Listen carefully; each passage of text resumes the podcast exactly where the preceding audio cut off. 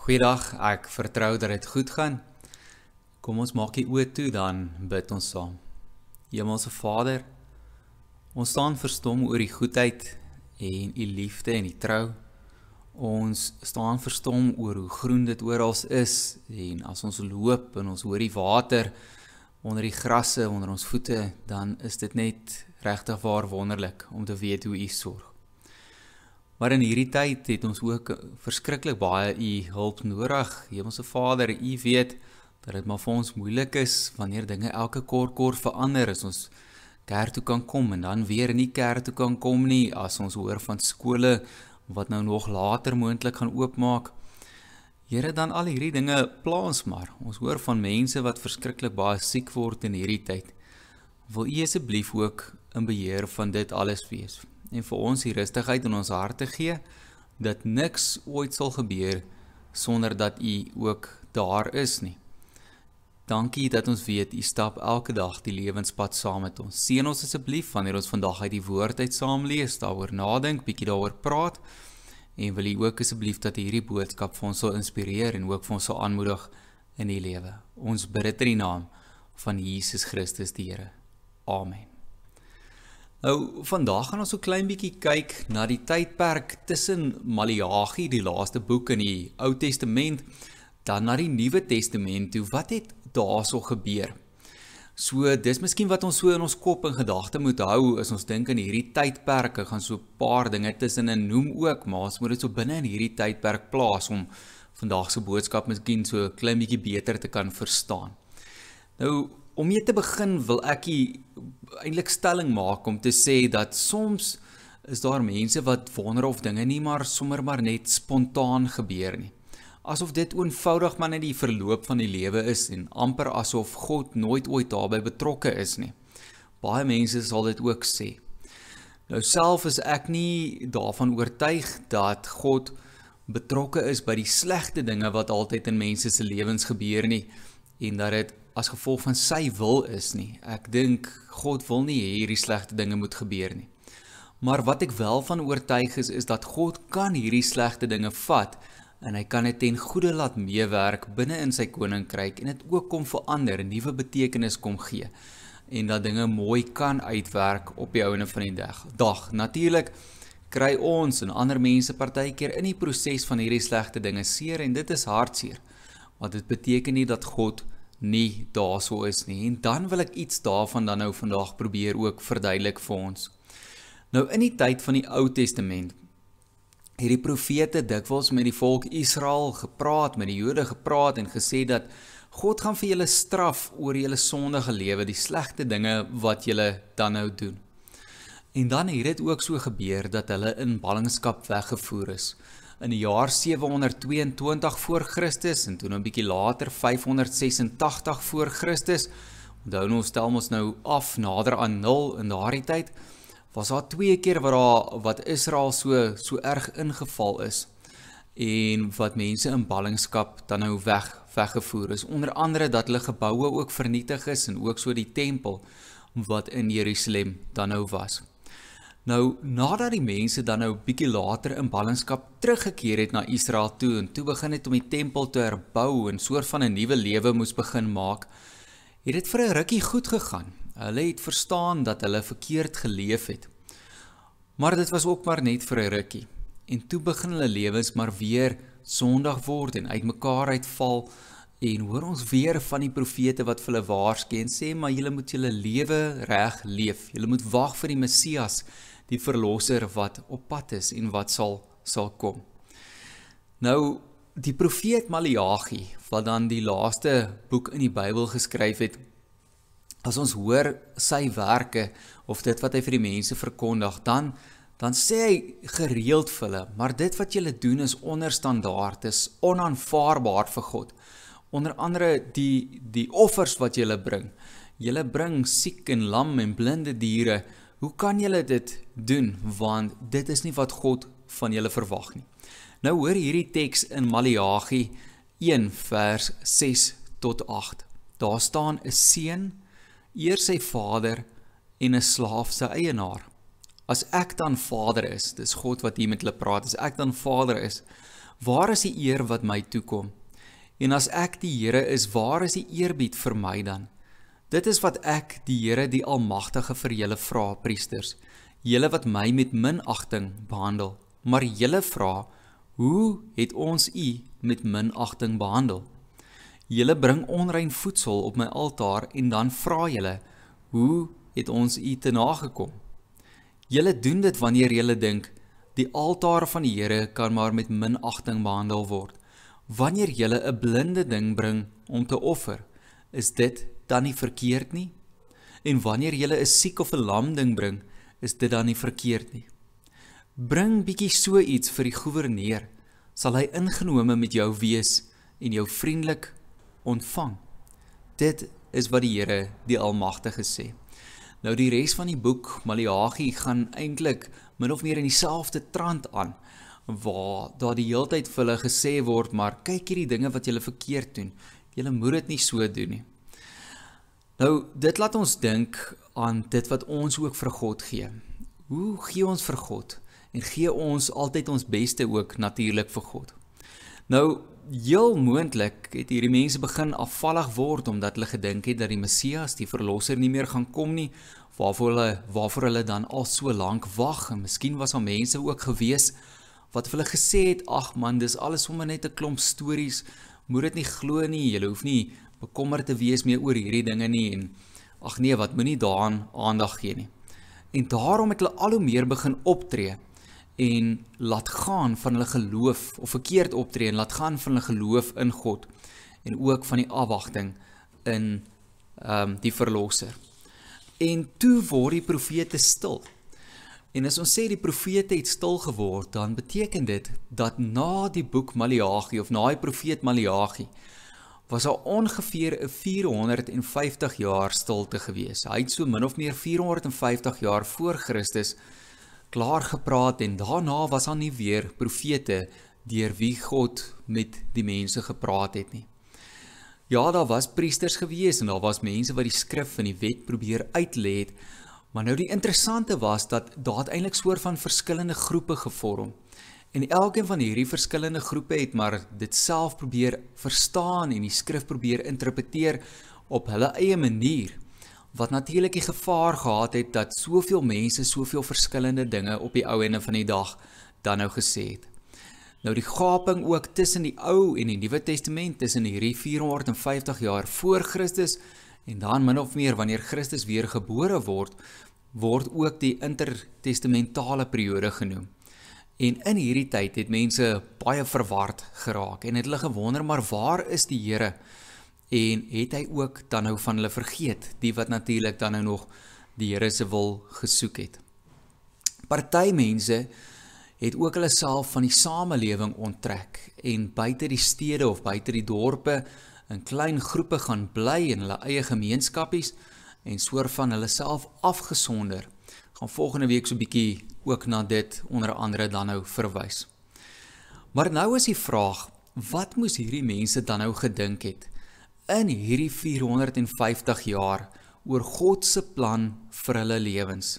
In 'n tyd wat God nie meer deur die profete gepraat het nie, in 'n tyd wat hulle sekerlik moedeloos geword het en gewonder het, maar waar is God? Het hy van hulle vergeet?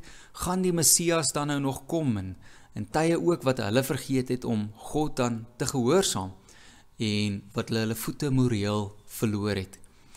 Nou stel jouself voor dat daar gaan so 4 of 500 jaar verby en jy lewe in hierdie tydperk. Jy's een van die mense wat kom ons sê maar 300 jaar um in die 300 jaar tydperk gebore is en ons leef mos nou maar wat hoe 50, 60, 70 dalk 80 jaar en en in hierdie tydperk het daar nie 'n profeet gepraat nie, was die verlosser nie daar nie.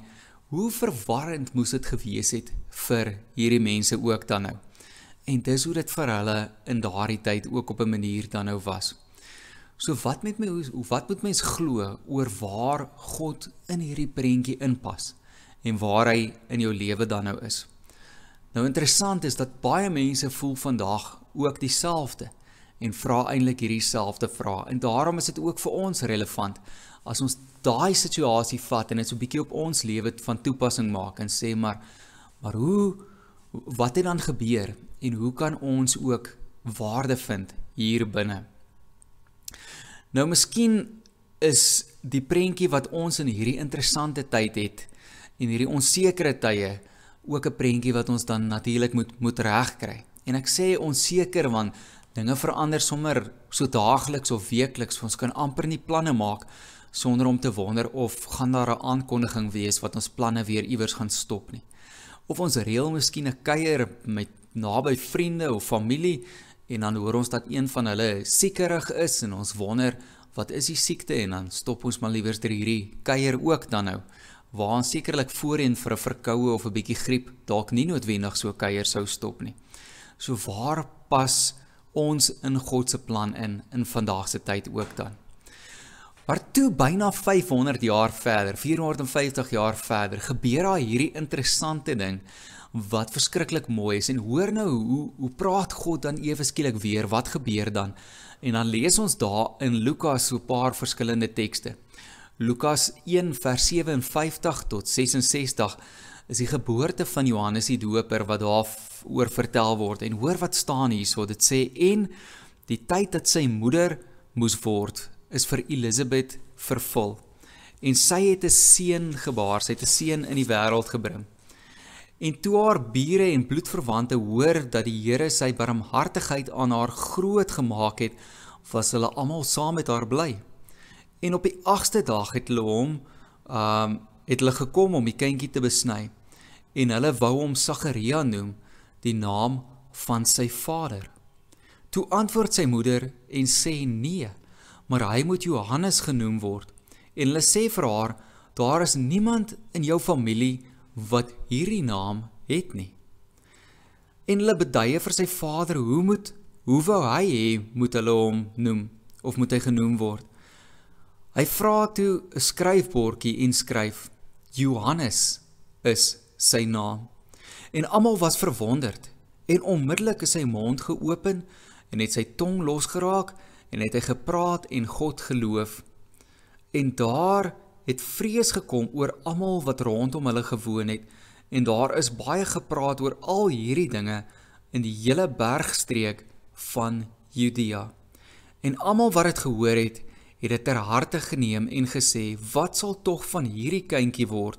En die hand van die Here was met hom. Nou dis interessant hierdie laaste sinnetjie dat hulle dit dan nou spesifiek sê terwyl Johannes die Doper eintlik nog 'n babietjie was en net gebore is en wat dan gebeur het in hierdie tyd. Dan sê die mense, wat sal tog van hierdie kindjie word? En die hand van die Here was met hom. Al lees ons so klein bietjie verder in Lukas 3 vers 2 tot 6 die volgende. In daardie tyd het die woord van God tot Johannes die seun van Sagaria in die woestyn gekom. Hy het deur die hele Jordaanstreek gegaan en verkondig: "Bekeer julle en laat julle doop en God sal julle sondes vergewe." So staan dit geskrywe in die profeet Jesaja. Iemand roep in die woestyn: Maak die pad vir die Here gereed, maak die paaie vir hom reguit. Elke kloof moet opgevul en elke berg en bult plat gemaak word. Die krompaaie moet reguit en die ruwe paaie gelyk word en al die mense sal die verlossing sien wat van God kom. Nou wat so mooi is van dit is dat ek net nou gesê het Toe die profeet Maleagi stil word ongeveer 450 jaar voor Christus, was al hierdie 450 jaar tyd van stilte wat God nie eintlik weer direk deur iemand of deur 'n profeet gepraat het nie. En hier gebeur hierdie wonderlike ding dat God begin praat deur Johannes die Doper. En dit is om die pad voor te berei vir Jesus wat eintlik dan nou sou kom. En dan lees ons die laaste teks hierso in Lukas 3 vers 15 tot 17. Die volk was vol verwagting en almal het hulle begin afvra of Johannes nie miskien die Christus is nie. So hulle dink toe, dalk is hy die verlosser waarvoor hulle gewag het. En daarop gee Johannes aan hulle almal die antwoord: Ek doop julle met water, maar my meerdere kom en ek is nie eers werd om sy skoene los te maak nie. Hy sal julle met die Heilige Gees en met vuur doop. Hy het sy skop in sy hand en hy sal die dorsvloer deur en deur skoon maak. Die koring sal in sy skuur bymekaar bymekaar bring, sal hy in sy skuur bymekaar bring. Maar die kaf sal hy met onblusbare vuur verbrand. Nou is 'n vraag natuurlik, sou die mense in daardie tyd na Johannes die Doper luister? As daar soveel tyd van stilte eintlik was en is al soveel opinies oor die skrif en oor die wet was. Natuurlik het nie almal geluister nie. Maar tog was daar sommige mense wie se harte oopgemaak is en wat ewe skielik opnuut die Christus, die verlosser, verwag het.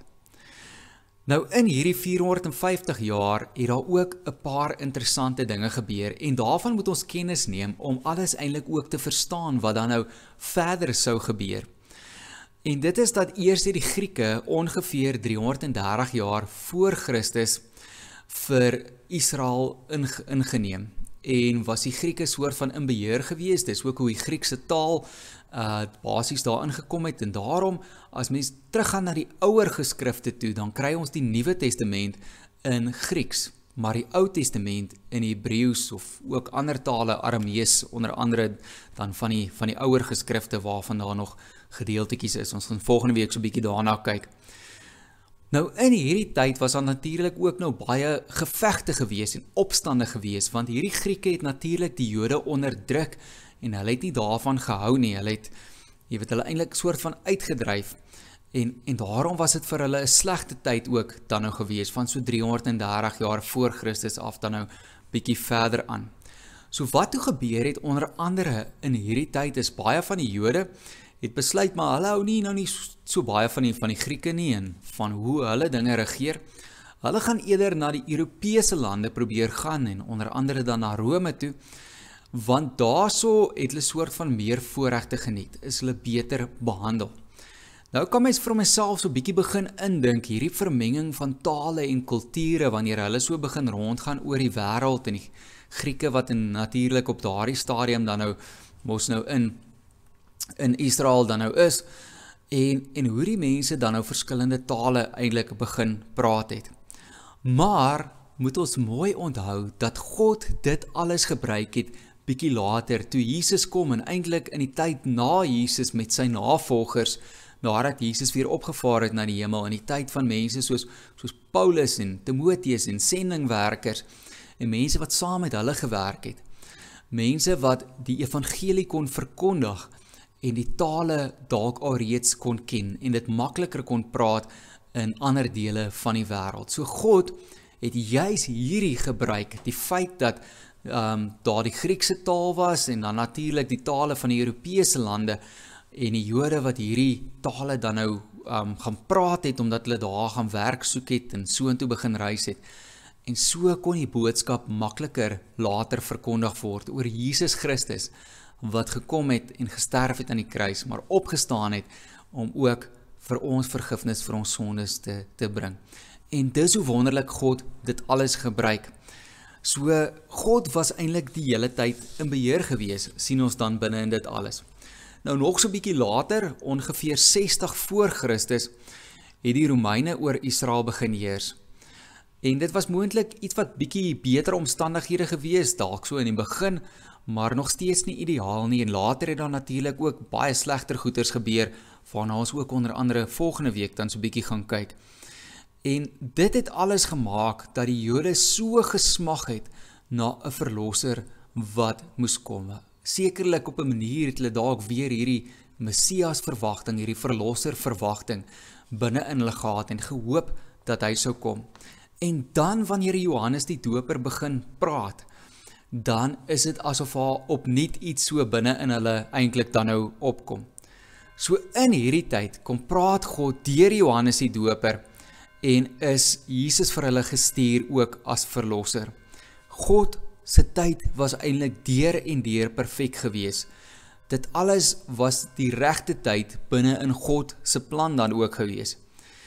En God kon hierdie slegte gebeurtenisse van die verlede, hulle ballingskap en hoe die Grieke hulle ingeval het of ingeneem het en begin regeer het en later die Romeine en hoe die mense weggetrek het dan na Europese lande toe, die Jode wat daar ander tale geleer het, maar nog steeds sekerlik hulle eie taal kon praat, kon God dit alles gebruik in die groter prentjie vir hierdie een verskriklike mooi ding. En dit is dat die boodskap van Jesus Christus later sou kon uitgaan na die ander lande reg oor die wêreld. God kon dit alles gebeur. Nou soms moet ons net onsself herinner dat God is groter as ons omstandighede en groter as die klein prentjie wat ons soms sien of groter as die tydperk waarin ons nou op hierdie stadium leef. Dit kan ook vir ons maklik voel of God van ons vergeet het en of ons miskien besig is om te vergaan en of alles dalk maar sommer maar net spontaan gebeur asof God dalk nie daar is nie. Maar die realiteit is dat God is altyd besig, ook altyd besig om iets voor te berei vir die toekoms. Miskien juis 'n prentjie wat ons nou in deel het, maar wat ons nie die uiteinde van gaan sien nie. God se tyd is perfek en hy wil hê dat ek en jy nou in hierdie tyd moet leef. En ek en jy moet dit ook besef en weet dat God wil elkeen van ons gebruik. Miskien om nie af te sluit is die beeld wat ons moet onthou as mens dink aan 'n hoë muur wat gebou moet word. Dan sit mens mos nie die die laaste steen heel bo as die ander stene nog nie reeds gelê is nie. Dis nodig om eers van onder af al die stene te lê sodat die laaste steen bo gelê kan word. En ons is miskien in God se tyd iewers ter hier tussenin steen want hy is nog steeds besig. Maar is nodig dat ons gewillig moet wees om daai steen in die middel te wees van God se prentjie sodat God volgende dinge nog kan doen. Ons moet net bereid wees. Mag dit so wees dat jy weet dat jy is kosbaar vir God ook binne in sy plan. Kom ons bid saam. Hemelse Vader, baie dankie vir die goedheid. Dankie dat ons weet is altyd in beheer. Dankie dat as ons terugkyk in die geskiedenis ook in hierdie tydperk tussen Maleagi en die Nuwe Testament en hoe U dan die weer deur Johannes die Doper kom praat het om die pad voor te berei. Wat alles daar gebeur het, maar hoe U dit ten goeie laat meewerk het. Wil U ook asseblief dat ons dit kan glo en kan verstaan en kan weet dat dit waar is in ons lewens ook. Mag ons tog ietsie daarvan raak sien. Mag ons opgewonde wees oor die werk wat ons vir U kan doen binne in die koninkryk. Seën ons asseblief ook deur hierdie week wat voorlê en hou vir elkeen van ons en ons families ons vriende en ons geliefdes ook veilig. Ons bid dit in die naam van Jesus Christus die Here. Amen. Mag julle weet dat God by julle is en dat hy vir julle sal seën en dat hy elke oomblik ook vir julle sal lei. Mooi week vir elkeen van u. Totsiens. thank you